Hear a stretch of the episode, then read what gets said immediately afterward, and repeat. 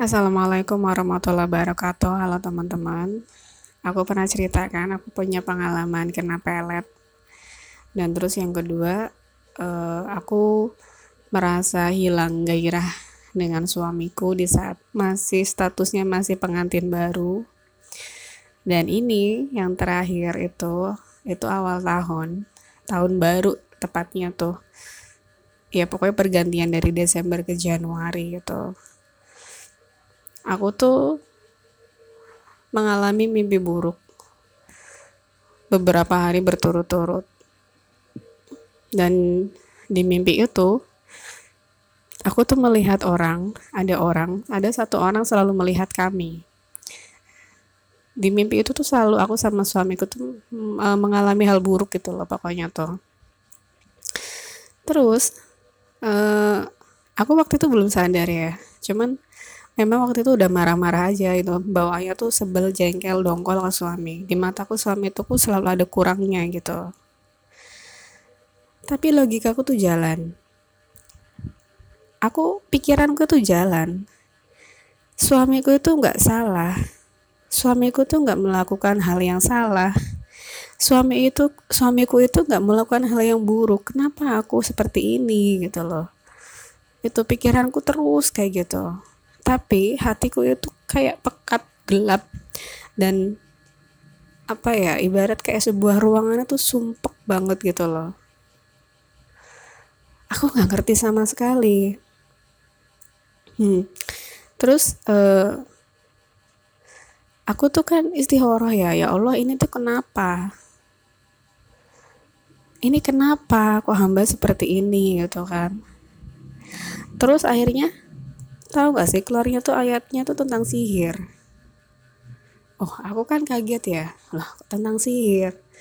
Setelah aku istihoroh, besoknya orang yang ada di mimpiku, bapak-bapak yang ada di mimpiku, yang menyaksikan kejadian buruk antara aku dan suamiku itu datang ke rumah. Nah, situ aku rasanya tuh panas luar biasa. Jadi kayak apa ya dada tuh terasa terbakar gitu loh nggak tahu. Nah di situ aku langsung kepikiran. Aku inget dulu aku pernah cerita. Jadi waktu masih hamil anak pertama keguguran anak pertama aku tuh mimpi di dalam mimpiku itu ada satu orang bapak-bapak ngejar aku pakai celurit ngomong tak pateni kue aku bunuh kamu kayak gitu. Setelah bapak-bapak itu pergi itu ada mantannya suamiku. Dan aku kan langsung nanya ke suamiku pas bangun kan. Yang aku tuh ngelihat bapak-bapak di mimpi bahwa celurit mau bunuh aku. Ciri-cirinya seperti ini. Itu bapaknya mantan kamu bukan? Soalnya habis itu ada mantan kamu suamiku mengiyakan iya itu bapaknya kayak gitu ciri-cirinya. Nah itu aku langsung ngubek-ngubek media sosialnya mantannya suamiku tuh. Aku cari foto bapaknya. Ada apa enggak gitu kan? Ternyata aku diblokir. Aneh banget padahal aku nggak temenan loh sama mantannya suamiku tuh dan aku nggak kenal gitu loh.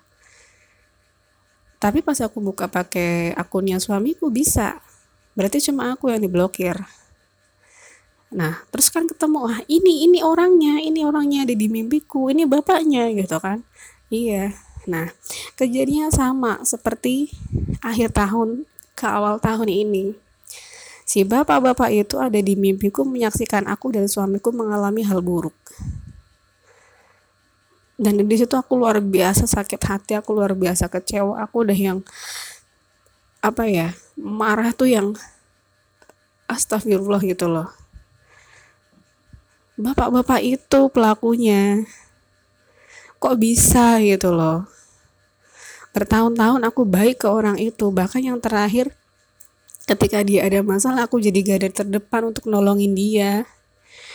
Bahkan ketika dia ditipu sama temen-temennya hartanya diembat aku tuh yang maju.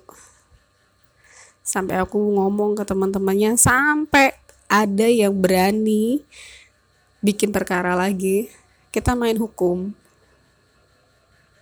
Kalau sampai polisi nggak bisa terpengaruh apa pun, zaman sekarang gampang. Saya punya banyak kenalan wartawan, aku ngomong kayak gitu.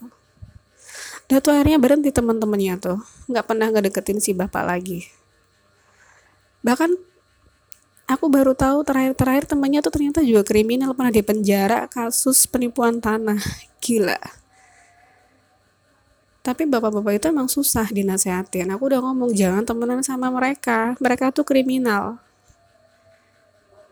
Kalau sampai temenan sama mereka itu namanya nyari nyari mati sendiri.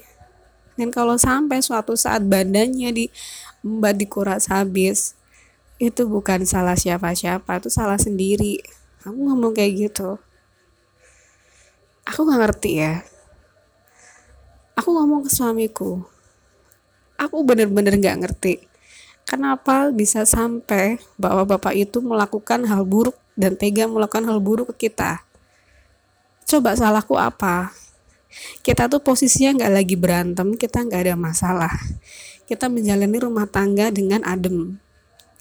Kecuali memang kalau kita ternyata bermasalah dari dulu problematik rumah tangga kita nggak bisa nggak uh, bisa lagi diselamatkan dia mau misahin nggak apa-apa tapi ini kok kenapa dia mau misahin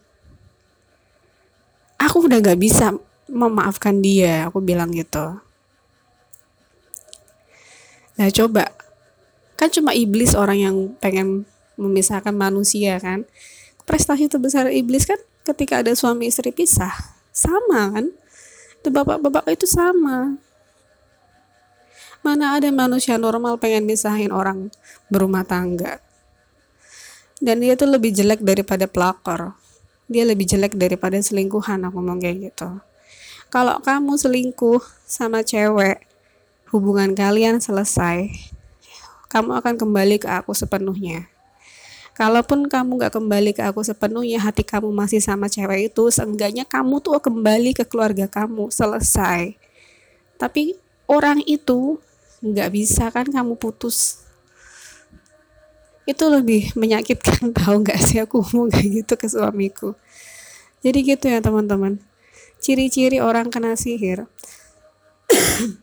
sebenarnya selain mengalami mimpi terus akhirnya aku mendapat petunjuk lewat istihoroh jadi aku tuh kan biasanya sehari aku pasti sempetin untuk tilawah ngaji gitu kan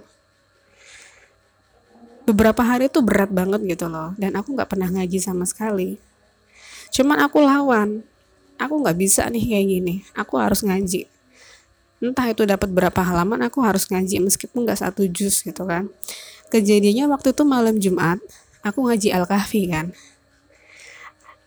Entah gimana dari bawah kakiku itu ada ular hitam kecil jalan gitu loh wah aku kaget setengah mati kan. Untung anak-anakku tuh lagi di tempat mbahnya. Aku teriak kan ular ular gitu. Mau aku bunuh terus ibuku datang aku sama rumah ibuku kan deket ya. Ibuku dateng gitu loh. Tapi mau dibunuh tuh ini nggak dibolehin sama bapakku. Cuman ya udah gitu kan terus ada ular ada kelabang. Buat tanda ciri-ciri kena sihir gitu loh. Aku istighfar lagi ya Allah apa bener sihir? Ya Allah gitu loh. Kenapa pelakunya adalah orang itu? gitu loh. Apakah dia itu hatinya nggak terbuka? Apakah dia logikanya tuh mati? Kenapa? gitu loh.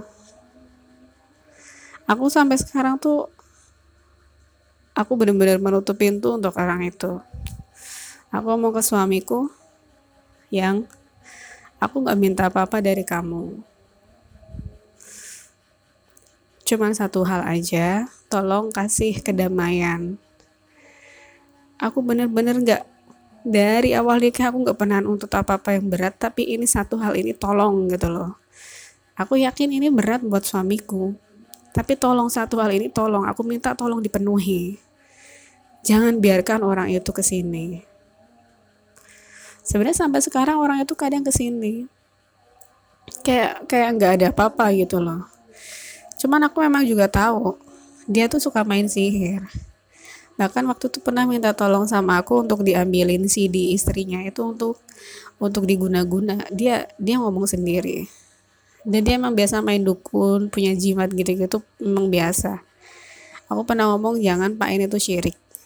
Dia ngomongnya apa? Kan nggak nyembah jimatnya ya memang nggak nyembah nggak nyembah nyembah. Tapi kan pakai kayak gitu tuh ya kayak gitu ya. Jadi ada kesamaan antara kena pelet dan juga kita pokoknya kalau kena sihir itu ketika merasakan sesuatu yang sangat sangat menggelora bergejolak di hati tapi logika kita tuh masih bisa jalan itu berarti kena sihir aku pernah cerita ini terus aku dikasih omong sama orang nggak mungkin itu kamu tuh kena pelet dulu ya waktu aku cerita Emang kenapa? Kalau kamu kena pelet kamu tuh lupa semuanya. Lah, tapi aku emang kena pelet. Enggak, kamu bukan kena pelet. Ya berarti bisa aja satu, dukunya sakti-saktian. Yang kedua, karena aku waktu itu juga masih ibadah terus. Jadi Allah Tuhan itu masih ngasih cahaya jalan kebenaran. Maksudnya jalan-jalan lurus buat aku untuk nggak terjerumus kena santet atau peletnya dong. Aku bilang gitu. Ya banyak kan orang kena santet mati kan. Tapi kan alhamdulillah aku enggak waktu aku disantet sama mantannya suamiku memang akhirnya keguguran kan. Tapi kan aku nggak sampai mati. Karena apa? Ya selama itu juga aku sholat jalan terus aku ngaji terus gitu aku minta perlindungan sama Allah kalau mau kuat-kuatan aku nggak bisa yang namanya. Pernah dikasih tahu dibalikin aja enggak. Udah. Kayak orang gak bertuhan aja gitu loh. Biar biar biar biar yang punya kekuatan yang paling kuat di dunia ini yang lawan mereka. Udah. Selesai. Cuma ini aku aku nggak habis pikir. Karena kok bisa gitu loh dan aku baru menyadari selama tujuh tahun menikah ternyata aku bukan bukan sosok menantu yang beruntung. Ya itu lewat kejadian itu. Aku bilang ke suamiku sampai mati. Salah satu dari kita mati. Salah satu dari kami mati. Akan ada maaf yang tergantung. Aku nggak bisa maafin orang yang bisa-bisanya mau misahin gitu loh. Kecuali memang kamu sendiri aku mau ke suami kecuali memang kamu sendiri yang pengen pisah dari aku. Aku masih bisa terima. Tapi ketika kita nggak ada apa-apa dipisahin kamu nggak bisa. Orang itu jahat banget. Dan sekian terima kasih. Assalamualaikum warahmatullahi wabarakatuh